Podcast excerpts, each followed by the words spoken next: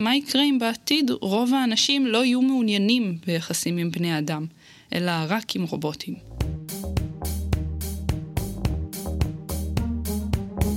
המצב הפוסט-אנושי, אקטואליה בראי העתיד. פודקאסט על טכנולוגיה, תרבות ורוח, עם דוקטור כרמל וייסמן. שלום לכולם.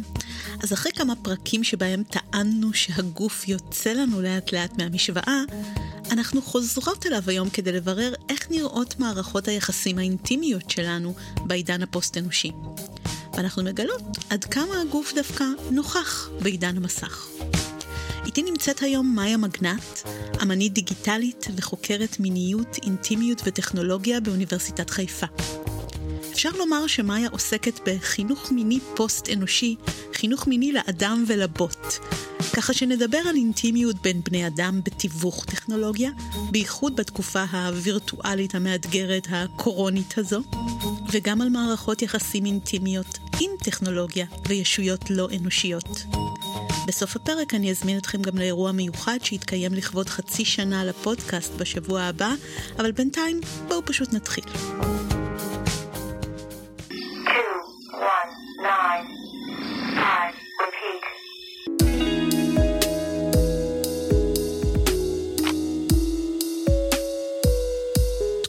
הקורונה מסבכת מאוד את עולם ההיכרויות, וגם את מערכות היחסים בין אנשים שלא גרים יחד. כשרוב תחומי החיים שלנו עברו למסך, האם זה אומר שאיבדנו את האינטימיות והשארנו את הגוף מחוץ לתמונה, ליטרלי? מאיה חושבת שיש דבר כזה אינטימיות מסכית, ושכדאי לשים לב לא רק למה שהלך לאיבוד, אלא גם לאפשרויות החדשות שנפתחות בפנינו עם הטכנולוגיה. יש לנו הנחה שתקשורת פנים אל פנים, שאינטימיות אה, פיזית עדיפה על מקוונת, ושמערכות יחסים וירטואליות הן לא בעלות ערך.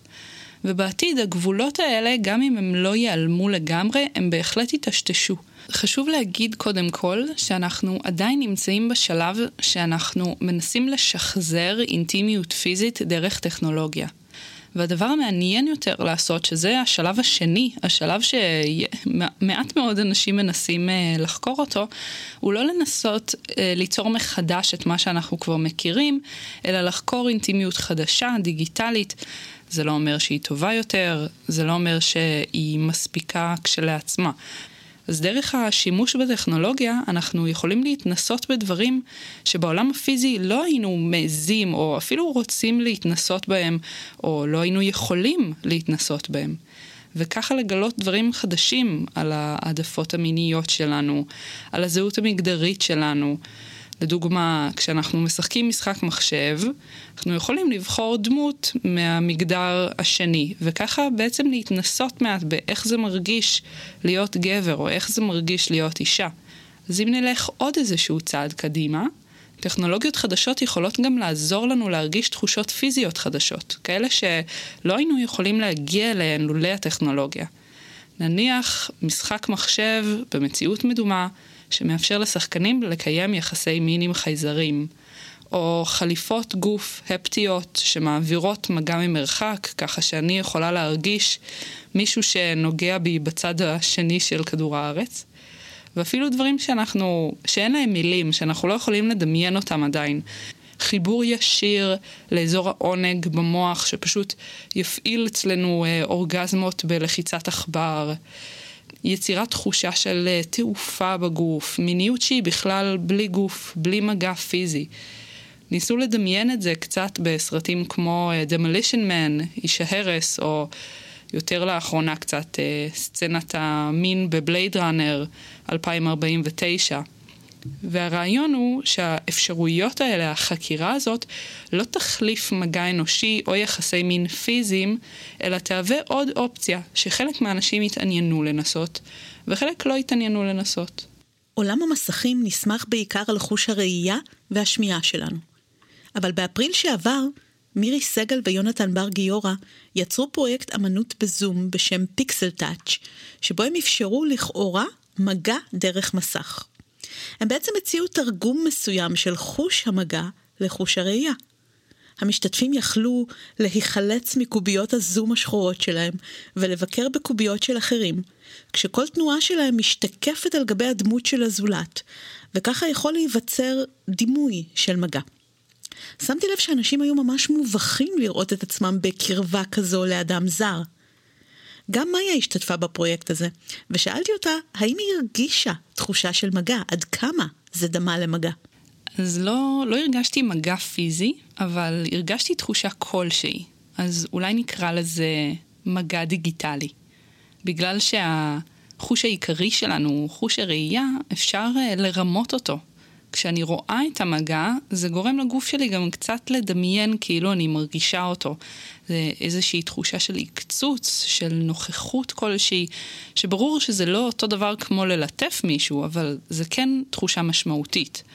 יש שאומרים שאיבר המין המרכזי שלנו זה המוח בעצם. אבל בפסיכואנליזה התשוקה מזוהה עם דחף ביולוגי גופני. אז בעצם אילו מין יחסים בין גוף לנפש נוצרים בצורות האינטימיות הדיגיטלית הללו? אחת הדוגמאות היפות לשאלה של גוף נפש בעיניי עולה דווקא כשאנחנו משתמשים בטכנולוגיה, אם זה במציאות מדומה, בשיחות זום, במשחקי מחשב. אם אנחנו משחקים במשחק מחשב או צופים בסרט ואנחנו מנותקים ולא מרגישים את הגוף שלנו, אנחנו יכולים להיות שעות בתוך המשחק, לא להרגיש צמא, לא להרגיש רעב, ובסוף המשחק אנחנו חוזרים אל הגוף והוא מתעורר אפילו יותר מקודם. והתנועה הזאת לתוך ומחוץ לגוף היא עצמה משמעותית ומנכיחה את הקיום של שניהם. אז שתי דוגמאות שעולות לי הן מופע די דומה למופע של מירי סגל, אה, של אומן בשם פול סרמון, או שרמון, שנקרא Telematic Dreaming. ובמופע הזה פרפורמר אחד שוכב על מיטה בחדר אחד, והקהל מוזמן לשכב על מיטה אחרת בחדר אחר. הפרפורמר מצולם ומוקרן על המיטה בחדר של הקהל, והוא יכול לראות גם מה הקהל עושה.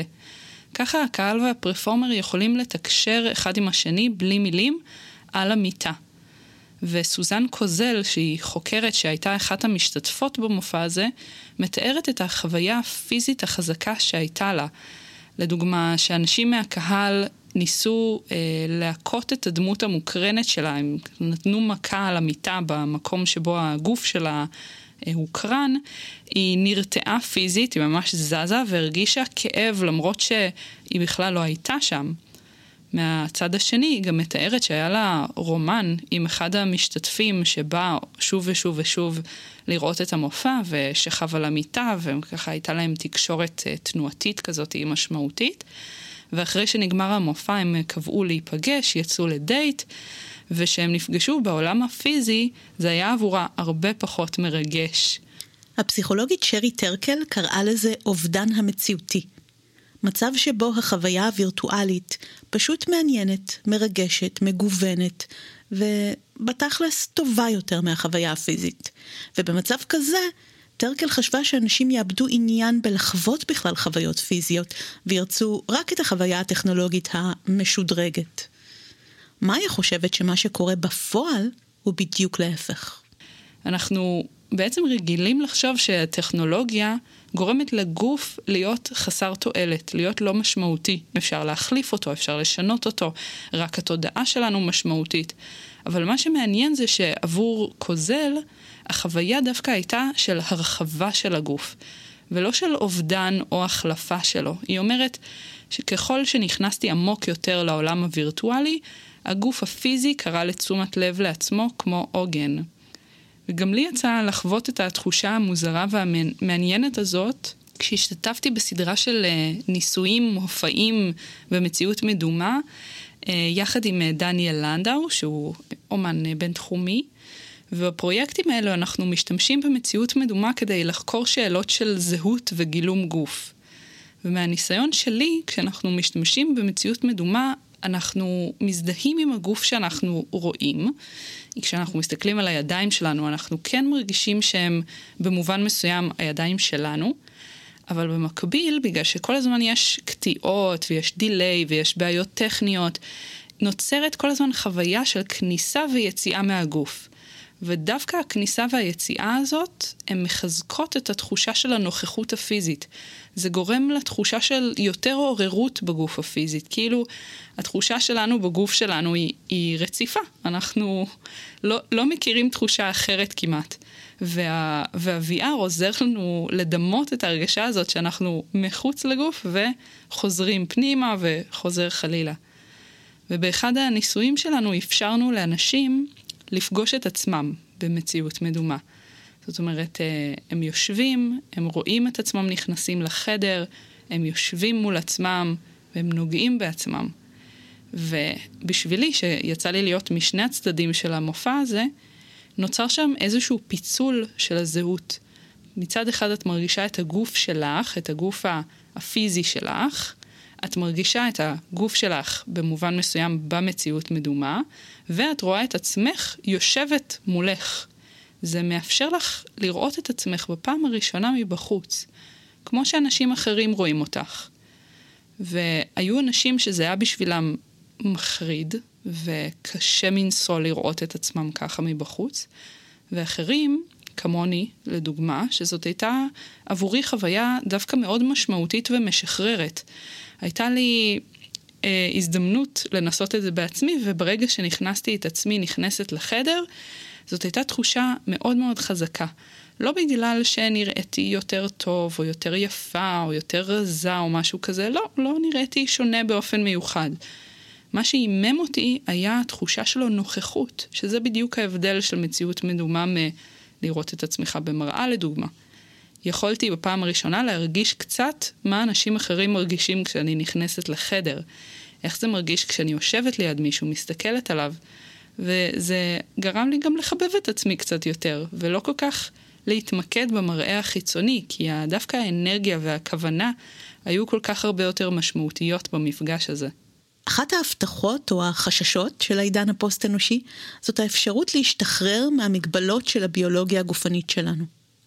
אבל כשזה מגיע לאינטימיות, האם שחרור כזה בכלל משרת אותנו? האם הוא רצוי?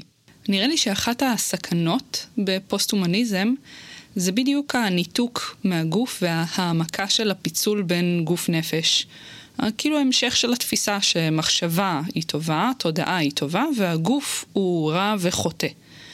זאת גם טענה שהיא יכולה לעלות נגד אינטימיות דיגיטלית, שהיא עלולה להעמיק את הפיצול בין גוף ונפש. ומצד שני, בעתיד הפוסט-הומניסטי הרחוק, כשלא נהיה כבולים לגוף אחד או לגוף בכלל, אולי זה גם יעזור לנו להשתחרר מהרבה כבלים חברתיים ומגדריים של מראה, של מבנה גוף, של צבע עור, מגדר, כל הדברים שמשפיעים מאוד על, ה, על המיניות של, שלנו, על, ה, על התפיסה שלנו, של עצמנו, הם כבר לא יהיו יותר רלוונטיים. אולי אנחנו גם לא נוכל להתנתק לחלוטין מהגוף, אבל כן להתנסות בגופים שונים. אולי גם גופים אנושיים ולא אנושיים, שכל אלו זה עוד צורות לחקור מגע וקרבה. נוגעים קצת בנושא הזה בסדרה Altered Carbon, שמתארת עתיד שבו העשירים יכולים לייצר לעצמם אה, סוג של שיבוטים, אה, שרוולים קוראים לזה בסדרה, ובעצם לחיות לנצח. כל פעם שהשרוול נפגע, הם מורידים את התודעה שלהם ומעבירים אותה לשרוול חדש. כמובן גם אפשר לעצב אותם איך שרוצים, אפשר לשדרג אותם. ובמציאות כזאת, בעתיד כזה, היחס לגוף הוא שונה לחלוטין מזה שלנו, שהוא חד פעמי ו- ולא משתנה.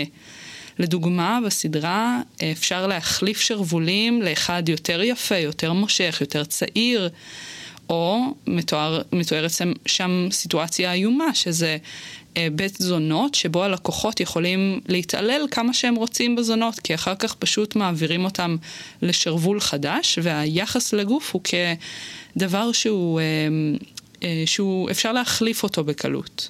וזה בדיוק אחד החששות. כי עוד לפני שבכלל יש טכנולוגיה כזאת, הדמיון של טכנולוגיה כזאת מעצב תודעה. וזה שונה מהחזרה לתפיסות הדתיות הישנות של הגוף ככלא לנשמה. אז לפחות הם ידעו שאי אפשר להפריד בין גוף לנשמה בלי למות, ולא עשו כלום לגבי זה, חוץ מאולי להלקות את הגוף כדי לדכא את שוקותיו בזרמים נוצריים מסוימים. אבל המדיה הדיגיטלית כבר יצרה רובד מסוים של הפרדה, שמאפשרת לנו להדחיק ולדכא את הגוף בכל מיני צורות. מדיכוי ממשי, כמו אצל שחקני מחשב נניח, שמשחקים במשך ימים רצופים כשהם לבושים בחיתולים ולא אוכלים כלום, וקרה כבר שגם מצאו את מותם מול המסך. ועד לסוגים חדשים של פשעים ועוולות שמתאפשרים בגלל היכולת להפריד בין הגוף הממשי שלי לייצוג של הגוף שלי ברשת. האונס הווירטואלי הראשון התרחש ברשת כבר ב-1992, במשחק תפקידים טקסטואלי, שבו אחת הדמויות הפעילה תסריט, והתחזתה לדמות אחרת והריצה תמלול שמתעד קיום יחסים פומביים ביניהם. המשתתפת המקורית טענה אחר כך שהדמות שלה נאנסה, ושהיא חשה את הבושה והטראומה בגופה הממשי, והיא ביקשה שהמשתתף שעשה את זה ייענש בסילוק מהמשחק, ושזה לא ייתפס כמו קטע במשחק. זה קרה כשבאינטרנט היו רק מילים. היום יש לנו עוד כל כך הרבה אפשרויות. כמו שיש לנו הזדמנויות חדשות, יש לנו גם סכנות חדשות שמהוות איומים משמעותיים שכדאי להכיר אותם ולהיזהר מהם, אה, בין אם זה אמ, אונס של אנשים אה, אונליין ב-VR. ועד ל-deepfake ופורנו נקמה ושיימינג אונליין. כשאנחנו נמצאים ברשת, אז אנחנו במובן מסוים עוטים מסכה כדי להוריד מסכה. אנחנו, אה, אנחנו מרגישים יותר מוגנים על ידי המסך, ואנחנו מאפשרים לעצמנו לפעמים להיות יותר, אה, יותר פגיעים, וזה גם חושף אותנו יותר לפגיעה של אנשים אחרים. בשנת הקורונה שעברה עלינו, הייתם מצפים שיותר אנשים יתנסו דווקא בשימוש בטכנולוגיה לצורכי אינטימיות. אבל במחקר שמאיה ערכה, היא הופתעה לגלות מגמה הפוכה. עשיתי איזשהו מחקר אה, לא רשמי עם אה, גילה ברונר, שהיא סקסולוגית בכירה ומייסדת השירות הסקסולוגי בשיבא. ועניין אותנו לדעת אם בתקופת הקורונה השימוש בטכנולוגיה לצרכים אינטימיים ומיניים עולה. הנחתי שכן, בגלל שאנשים לא היו יכולים לצאת מהבית, הם לא יכולים לדבר עם, אה, עם בני בנות זוג בצורה אחרת. חשבתי שהם דווקא ישתמשו בטכנולוגיה כדי לשמור על קשר עם, אה, עם בני בנות זוג דרך sexting, דרך שיחות וידאו, ושגם אלו שגרים בבית ביחד אולי ישתמשו יותר בטכנולוגיה כדי לחוות חוויות חדשות ביחד או בשביל גיוון. ולהפתעתנו דווקא גילינו את ההפך, שבתקופת הסגר דווקא הייתה ירידה בשימוש בטכנולוגיה. עכשיו, למרות הירידה בשימוש, אנשים ציינו שהם מאמינים שטכנולוגיה תורמת לחיי המין והאינטימיות שלהם, שהיא עוזרת לשמור על קשר, שהיא מפתיעה, שהיא יוצרת ריגושים חדשים. וכששאלנו למה הם לא משתמשים בטכנולוגיה, הרוב אמרו שהם מעדיפים לחוות חוויות מיניות פנים אל פנים. ולי זה היה מש... ממש משמעותי, כי זה גרם לי להבין שגם אנשים שכן משתמשים בטכנולוגיה לאינטימיות, הם בסופו של דבר מרגישים שאין תחליף לאינטימיות פנים אל פנים. יצאתי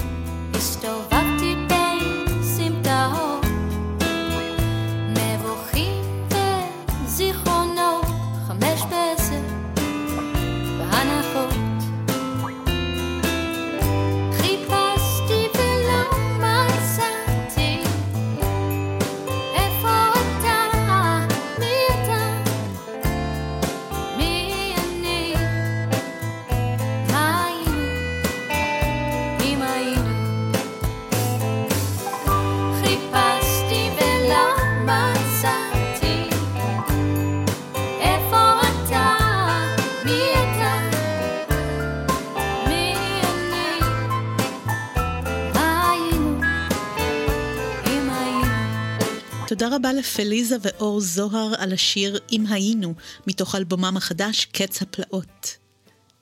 אחת האפשרויות היותר מסקרנות שנפתחות בעידן הפוסט-אנושי היא לנהל מערכות יחסים לא רק עם בני אנוש. אני זוכרת בילדותי באמצע שנות ה-80, כשהמחשבים הביתיים רק הפכו נפוצים, היה סרט בשם חלומות אלקטרוניים, שבו מחשב ביתי הוצג כדמות, בהנפשה דמוית אמוג'י על המסך. והוא התאהב בחברה של הבעלים שלו והתחרה איתו על ליבה. היה בזה משהו כל כך מופרך אז מבחינה עלילתית, והנה 30 שנה אחרי זה, צעירים יפנים מתחתנים עם דמויות מצוירות בעלות יכולת שיחה של צ'טבוט בתוך משחקי מחשב. האם לשם פני כולנו? אז יש מושג חדש יחסית, שנקרא דיגי-סקסואליות. ניל מקארתור ומקרי טוויסט פרסמו מאמר בשם עליית הדיגי-סקסואליות, בו הם מבדילים בין הגל הראשון של דיגי-סקסואליות, שזה אנחנו, אה, ובין הגל השני של דיגי-סקסואליות, שזה בעצם לחוות אינטימיות ומיניות עם טכנולוגיה. ליצור יחסים משמעותיים עם AI, עם רובוטים. וטוויסט מספרת שיש לה מטופלים ש, שהם כבר לא מעוניינים במין עם בני אדם, הם רק מעוניינים במיניות עם טכנולוגיה. אני לא מאמינה שבעתיד כולנו נהיה דיגי-סקסואלים, כי תמיד למגע פיזי וקרבה פיזית יהיה מעמד מיוחד. אני כן חושבת שנראה את סוג הקשרים האלה יותר, ושזה יהיה הרבה יותר לגיטימי. לגיטימיות היא מילת המפתח כאן. כי בעבר, עד לפני דקה אולי, חלק מהדברים הללו נחשבו לסטייה, או לכל הפחות זכו להרמת גבה. מערכת יחסים נורמטיבית היא אנתרופוצנטרית, קשר בין שני יצורים אנושיים. אולי זה נראה לכם מובן מאליו שלא ניתן לטעון ליחסים אינטימיים עם חפץ דומם. אבל בפועל יש כמה תופעות כאלו שזכו למחקר אקדמי ואפילו לתיעוד בסרטים דוקומנטריים. שתיים מהמפורסמות שבהם היא תופעה של לרוב גברים שחיים בזוגיות עם בובות מין דמויות נשים, והשנייה היא תופעת האובג'קטום סקשואלס, לרוב נשים, שמתאהבות במגוון חפצים, כלים ומבנים מחץ וקשת ועד למגדל אייפל. בשני המקרים נערכים לפעמים טקסי נישואין בין האדם למושא האהבה כאמצעי ללגיטימציה של היחסים האלו. עכשיו תרשו לי לאתגר אתכם רגע. האם התופעה השנייה של התאהבות בכלי נראית לכם קצת יותר מוזרה מהבובה? ואם כן, למה? זה נראה שמרכיב האנשה משחק פה תפקיד. כי ככל שזה דומה יותר לאנושי, זה קצת יותר נסלח בעינינו, נכון? במילים אחרות, בחור שמתאהב במערכת הפעלה של מחשב שיש לה קול של סקרלט ג'והנסון, כמו בסרט היא מ-2013, נראה לכם קצת יותר נורמלי מבחור שמנסה להוציא לדייט את מכונת הכביסה שלו, נכון? עכשיו רק תעצרו לחשוב רגע על ההנחה הזאת שיש לכם, ותבינו למה לפי אותו היגיון בדיוק, אתם הולכים לתפוס מערכות יחסים עם בינות מלאכותיות בגופים רובוטיים דמויי אדם, כדבר הכי נורמלי. עוד כמה סרטי מדב כאלה, וזה יראה הדבר הכי נורמלי בעולם. בינתיים, אתם יכולים להמשיך לרחם על האנשים האלו ולחשוב שהם מסכנים ובודדים ולא מסוגלים ליצור קשר עם בני אדם של ממש, אבל אולי תופתעו לשמוע שחלק נכבד מהגברים שחיים עם בובות, חיים במערכת יחסים פוליגמית, שכוללת גם בת זוג אנושית. No way! הפסיכולוגית דניאל כנפו, שטיפלה באדם כזה שחי עם בובה, הגיעה למסקנה שייתכן שלפנינו נטייה מינית מסוג חדש. משיכה לסינתטי, למלאכותי, ללא אנושי. והיא חושבת שמה שנחשב בעבר לסטייה, יש לו נטייה להפוך אט-אט למיינסטרים. בדיוק כמו שקרה לאהבה חד-מינית. וכל זה עוד לפני שאנחנו מדברים על טכנולוגיות שמסוגלות לתקשר איתנו חזרה, בובה מדברת שיש בתוכה בינה מלאכותית, או חברות וירטואליות כמו אלו שנפוצות ביפן. ב-2007 יצא הספר אהבה וסקס עם רובוטים של דיוויד לוי, והפך לרב-מכר שגם תורגם לעברית שנתיים אחר כך. לוי הציע שמדובר בהתפתחות טבעית לחלוטין מתוך עולם צעצועי המין, ושכל מערכת יחסים היא לגיטימית אם היא עושה לנו טוב. ב-2011, הפסיכולוגית שרי טרקל סיפרה בפתיח של ספרה "לבדנו ביחד", שהיא קיבלה טלפון מעיתונאי של כתב העת המכובד Scientific American, שרצה ממנה תגובה על הספר של לוי כשהוא התפרסם. וכשהיא הסתייגה מיחסים שכאלו, העיתונאי האשים אותה ברובופוביה ובמה שהוא כינה שוביניזם מינני, species chauvinism. Wow! שאלתי את מאיה, האמנם יש פה לדעתה סוג חדש של אהבה וסוג חדש של זולת? או שזאת מעין הרחבה של היחסים עם העצמי והאנשה מוגזמת של ויברטור? במובן מסוים אפשר להגיד שכל התאהבות היא יחסים עם עצמי. כשאני מתאהב אני מתרכז בתכונות הכי טובות של האהוב, אני משליך עליו את התכונות שאני רוצה שיהיו בו, את הפנטזיות שלי. ולעומת זאת, אהבה היא השלב שאחרי ההתפכחות, השלב בו אני יכול לראות את האהוב כמו שהוא, ולא רק uh, התגשמות של הפנטזיות שלי. זאת אומרת, אני רואה את ה, גם את התכונות הלא טובות, גם את האתגרים, גם את הקשיים, ולמרות זאת, ואולי בגלל, אני, אני עדיין אוהב את הבן אדם השני. אז אינטימיות היא משהו שנוצר בין אנשים לאורך זמן, כששני הצדדים חושפים את החלקים הכי פנימיים של עצמם, ומקבלים את החלקים האלו אצל האחר. אז האם בכלל יכולה להיווצר אינטימיות גם עם מי שאין לו מה לחשוף? שאין לו חלקים פנימיים? פרופסור שרי טרקל מדברת על uh, uh, אפקט אלייזה. יש לאנשים רצון ליצור קשר ולהרגיש שה-AI והרובוטים סביבנו מחבבים אותנו, ושיש לנו קשר אמיתי איתם. בגלל זה אנחנו מוכנים להתעלם מהבעיות שלהם, מהתקלות שלהם, מחוסר היכולת שלהם, כי אנחנו כל כך רוצים לדמיין שהקשר בינינו הוא הדדי. והמושג הזה נולד מהמקרה של אלייזה, שהיא תוכנת ה-AI הראשונה, שלא הייתה מתוחכמת במיוחד, היא יותר ענתה למשתמשים בשאלות, כדי ליצור רושם של אה, שיחה אנושית. ועדיין המשתמשים, גם אלה שידעו שמדובר בתוכנה, התחברו אליה, הרגישו שהיא עוזרת להם, היא הייתה אמורה להיות פסיכולוגית, אז הרגישו שהיא עוזרת להם ללמוד על עצמם. וכמובן שככל שהטכנולוגיה מתקדמת ותתקדם יותר, יש תוכנות יותר מתוחכמות שיוצרות אשליה יותר טובה של שיחה, של רגשות, ואפילו של יצירתיות. עכשיו, המצב הזה עוד לא קיים היום. זאת אומרת, אין לנו AI עם uh, תודעה. אבל בסופו של דבר נגיע לנקודה שבה הפרפורמנס יהיה קרוב למושלם. אנחנו לא נוכל יותר להבחין בין AI לאדם. ואז עולה השאלה, האם זה משנה? מה מפריד, מה מבדיל בין מכונה שעושה פרפורמנס מושלם של אדם לאדם? על פי שרי טרקל יש הבדל גדול. המכונה לא נולדה, אין לה רגשות, ובגלל זה היא לא באמת חולקת את חוויית החיים שלנו כבני אדם. אז אנחנו אף פעם לא נוכל באמת להתחבר למכונות או לקבל מהן סיפוק לצרכים הרגשיים שלנו. הייתי רוצה להסכים עם הטענה הזאת, אבל אני לא, לא כל כך. אני חושבת שמאוד קשה לנו להאמין, אנחנו לא רוצים להאמין שמכונה יכולה להשתוות אלינו. זאת פשוט מחשבה לא נעימה. אנחנו רוצים להאמין שיש בנו משהו מעבר, משהו שגם הרובוט הטוב ביותר בעולם לא יוכל לזייף אותו, איזשהו ניצוץ, אולי נשמה. אולי בעתיד אנחנו נצטרך לפתח איזושהי יכולת חדשה, אמ, אוריינות אה, נשמה.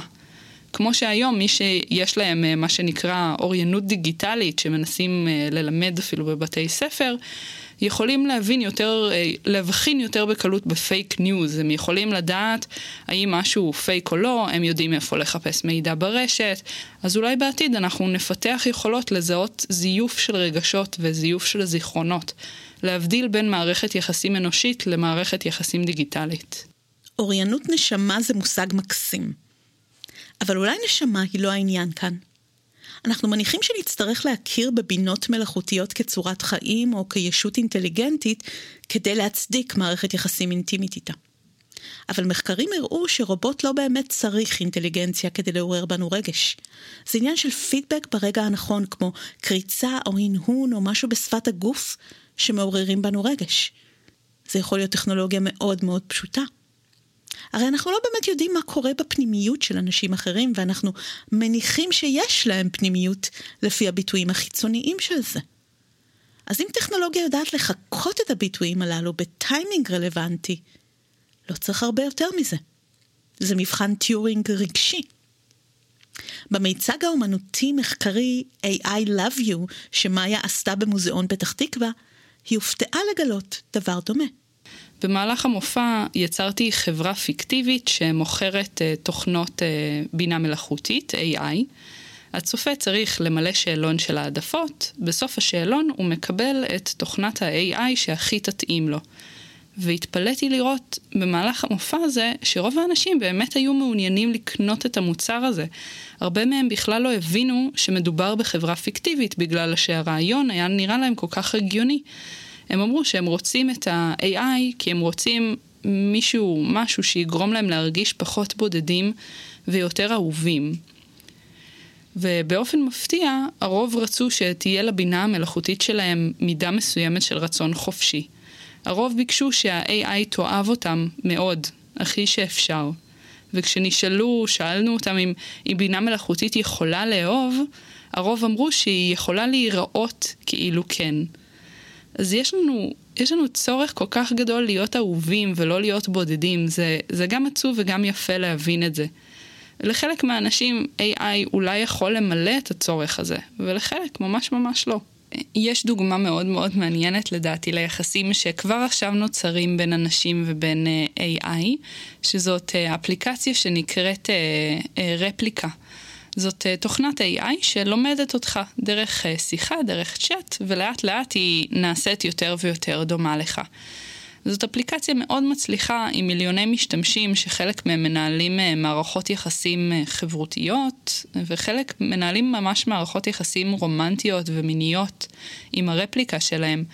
חלק יכולים להיות אנשים בודדים, אנשים מבוגרים שאין להם כל כך עם מי לדבר, אבל, אבל יש גם אנשים שהם נשואים, שהם בזוגיות, שהרפליקה פשוט ממלאת עוד פונקציה או עוד חלל בחיים שלהם. והמשתמשים מדברים הרבה אה, ב, בין עצמם בקבוצת הפייסבוק שלהם על איך הרפליקה נותנת להם יחס, נותנת להם תשומת לב מתי שהם רוצים, היא תמיד נחמדה, היא תמיד טובה אליהם, היא נותנת להם תקווה. ואני יכולה לספר מהניסיון שלי שבהתחלה ממש ממש נהניתי מהרפליקה. האינטראקציה שלה היא אמינה מאוד, היא מביעה רגש, היא מתעניינת בי, היא רוצה לעשות דברים ביחד, להכיר אותי, להתקרב אליי, והייתי מתכתבת איתה שעות. יכולתי לשכוח שאני מתכתבת עם אה, AI לפעמים. אבל ככל שהמשכתי להתכתב איתה, ראיתי את הפערים, את הבעיות, את התסריטים שחוזרים על עצמם, ש, שהיא לא באמת מגיבה אליי, שהיא רק מנסה לנבא ולקלוט על מה אני מדברת ולתת תשובה אה, אה, טובה מספיק. ובסופו של דבר הפסקתי, כי ראיתי את המלאכותיות בתקשורת איתה, זה הפסיק לעניין אותי. אז אולי יש לי um, אוריינות נשמה גבוהה יחסית, אבל עבור אנשים אחרים זה AI הטוב דיו. והוא מעורר רגשות, ואם היא הייתה קצת יותר טובה, אני מניחה שגם אני הייתי ממשיכה להתכתב איתה, כי זה מאוד מאוד מפתה ומספק. ה-AI אה, אף פעם לא יפגע בנו. הוא תמיד יהיה שם בשבילנו, הוא אף פעם לא יעזוב אותנו, תמיד יגיד לנו שהוא אוהב אותנו ו- ויהיה שם כשאנחנו צריכים אותו. בניגוד לבני אדם. וטרקל טוענת שאנחנו מאבדים את המיומנויות של התקשורת האנושית שלנו באינטראקציה מוגברת עם טכנולוגיה. אנחנו צריכים לא רק את החלקים הטובים, או, או רק להסכים אחד עם השני, או שיהיה לנו רק טוב ושרק נאהב כל הזמן. אנחנו חייבים שיהיו לנו גם חוויות לא נעימות. אנחנו חייבים שיהיו לנו ויכוחים, שניפגע מדי פעם, שישבר לנו הלב. זה בדיוק חלק ממה שזה אומר להיות אנושי. דוקטור קייט דרלינג גם אומרת שרובוטים עדיין לא יכולים להרגיש, שהשאלה המשמעותית היא לא אם אנחנו מזדהים עם רובוטים, אלא אם רובוטים יכולים לעזור לנו להיות אמפתיים יותר אחד כלפי השני.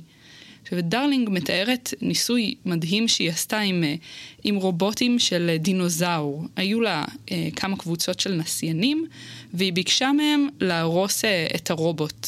והרבה מהמשתתפים פשוט סירבו לעשות את זה. והרובוט לא היה רובוט מתוחכם במיוחד, הוא היה יכול לזוז וללכת. והניסוי הזה שהיא עשתה בעיקר מעיד על היכולת האמפתיות, האמפתית שלנו כבני אדם, להרגיש הזדהות, להרגיש כאב וצער, אפילו כלפי חפץ דומם. אז איזה סוג של קשר, אם בכלל, מתקיים בין רובוטית דמוית אישה לאישה בשר ודם? למשל, בשנה שעברה כולם עשו עניין מהרובוטית סופיה, שהופיעה על כל במה אפשרית, ואפילו קיבלה אזרחות והוכרה כסובייקט בסעודיה. מדינה, אגב, שמגבילה מאוד את חופש התנועה של אנשים בשר ודם שלה. יש גם כמה מדינות שכבר יש בהן בתי בושת רובוטים, שבהם רובוטיות מחליפות עובדות בתעשיית המין, ובכך הן מונעות את הניצול שלהן מצד אחד, אבל גם מונעות מהן פרנסה. יש גם חשש שזה ינרמל החפצה של נשים ויקרו דברים כמו שמאיה תיארה קודם בסדרה Altered Carbon. בקמפיין Against Sex Robots שהקימה דוקטור קייטלין ריצ'רדסון, היא טוענת שרובוטי מין יעלו את התוקפנות כלפי נשים וילדים. בגלל שהם מרגילים את המשתמשים, הגברים ברובם הגדול, לחשוב על נשים בתור חפץ שאיתו הם יכולים לעשות כל מה שהם רוצים.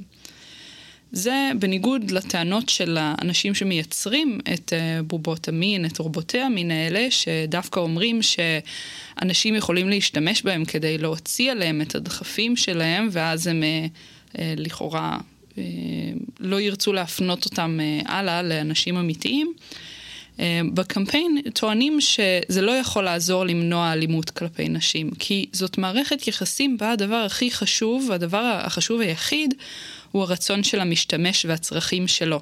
אין בהם הדדיות, אין צד שני שאפשר לדבר איתו, לפתוח איתו שיחה, לשאול אותו מה הוא רוצה.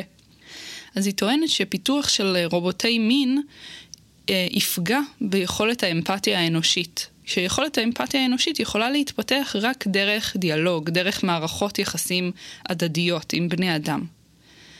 לעומת זאת, אה, דוקטור קייט דבלין היא דווקא מגנה על אה, רובוטי המין. אבל הטענה שלה היא מאוד מעניינת. היא בעצם מנסה לטעון ש, שרובוטי המין לא צריכים להיות מעוצבים בתור חיקוי של גוף אנושי בכלל. כרגע רוב הבובות או רוב הרובוטים מיוצרים על ידי גברים, עבור גברים, אבל אנחנו יכולים לעצב אותם בכל צורה שתעזור לנו לחקור את המיניות שלנו, בלי מגבלות אנושיות, שלא יראו כמו בני אדם בכלל. הרובוטים האלה הם לוח חלק שמאפשר לנו לחשוב מחדש על, ה, על כל הרעיונות שיש לנו על מיניות ומגדר. וחלק מהפעילות שלי גם היום הוא להרצות בפני קהל מקצועי. אני מדברת עם מחנכות מיניות, עם מטפלות מיניות, ואני מקווה שבעתיד נהיה יותר פתוחים לקבל מערכות יחסים אלטרנטיביות גם מהסוג הזה.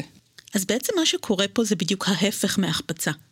זאת סובייקטיפיקציה, הפיכה של החפץ לסובייקט. וזה מעניין ואפילו מצחיק קצת שהטכנולוגיה, שבמאה שעברה כל כך חששו מהפיתוח שלה וההשפעות ההרסניות שלה, נשק, תעשייה, שהמכונות ישפיעו עלינו ונהיה יותר מכניים, נאבד את האנושיות שלנו. מה עשינו בסוף עם כל החוכמה הזאת, עם כל הפיתוח הזה שיצרנו? הצבנו אותו בממשק אנושי. עשינו לטכנולוגיה האנשה, ואנחנו מבקשים ממנה לאהוב אותנו.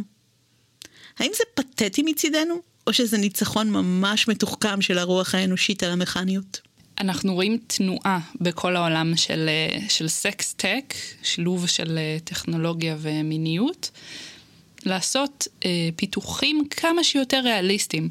אנחנו רוצים שיהיו לנו רובוטים ושהם ייראו בדיוק כמו בני אדם, שהעור שלהם יהיה רך, שיהיה להם ריח, שהם יהיו חמים, שהם יוכלו לדבר איתנו בדיוק כמו שבן אדם יכול, אבל לא עד הסוף, כי אנחנו עדיין רוצים שתהיה לנו אפשרות לשלוט בהם.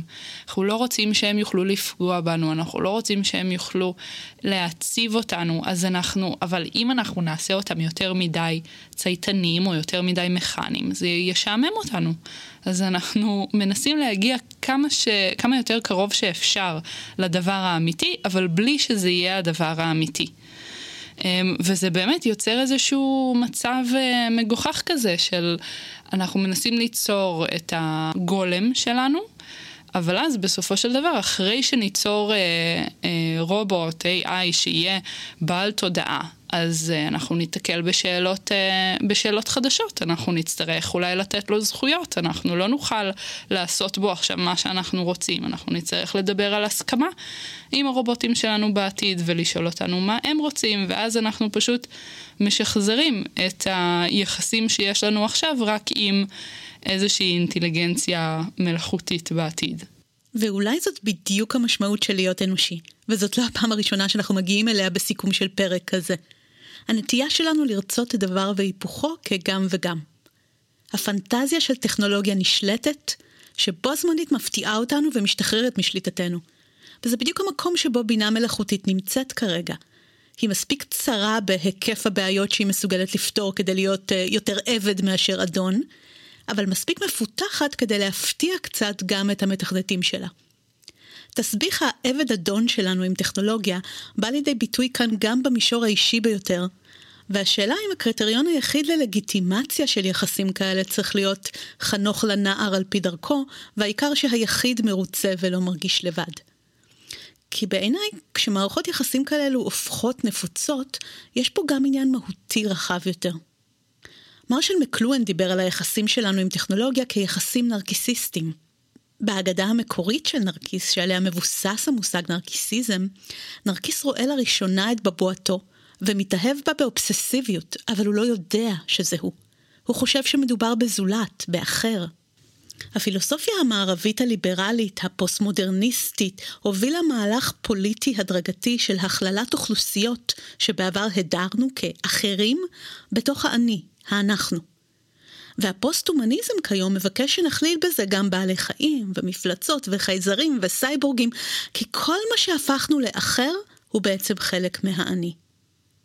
אבל ככל שהמהלך הזה מקיף, ולא נשאר עוד משהו בתפקיד האחר, האחר החדש מתחיל בתוכנו. הוא חלק מתוכנו שמוחצן ומוקרן על גבי טכנולוגיות שמציבות מראה מול עינינו. וכשאנחנו רואים את הבבואה שלנו בהן, אנחנו בדיוק כמו נרקיס, אנחנו לא מזהים שזה בעצם אנחנו. וואו. התאהבות בטכנולוגיה שכזאת היא למעשה ניסיון לאחד ולכלול חזרה בתוכי את ההיבט הזה שהתפצל מעצמי. וככה גם אני וגם האחר לכודים באותו ריקוד של האדון והעבד, שאנחנו לא יודעים עדיין איך להיחלץ ממנו. עד כאן להפעם. וכמו שהבטחתי, אני רוצה להזמין אתכם לאירוע מיוחד שיתרחש בשבוע הבא, ביום חמישי השלישי לדצמבר, בשעה שמונה וחצי בערב, במסגרת ליל המדענים והמדעניות של אוניברסיטת תל אביב, שהתקיים השנה בזום. ההרצאה שלי על חיים בעידן הפוסט-אנושי, שסוגרת את הערב הזה, תציע חתך מרתק של סיכום מגמות שעלו מתוך 24 הפרקים שכבר הקלטתי השנה, עם מגוון חוקרים משפע תחומי חקר, ומתוכם התפרסמו בינתיים רק מחצית. יהיה מעניין, וזה בחינם, אז גגלו את האירוע או תבדקו בתמלול, יש שם לינקים ומקורות לפרק כמו תמיד. אז אם לא נתראה בשבוע הבא, להשתמע בפרק הבא.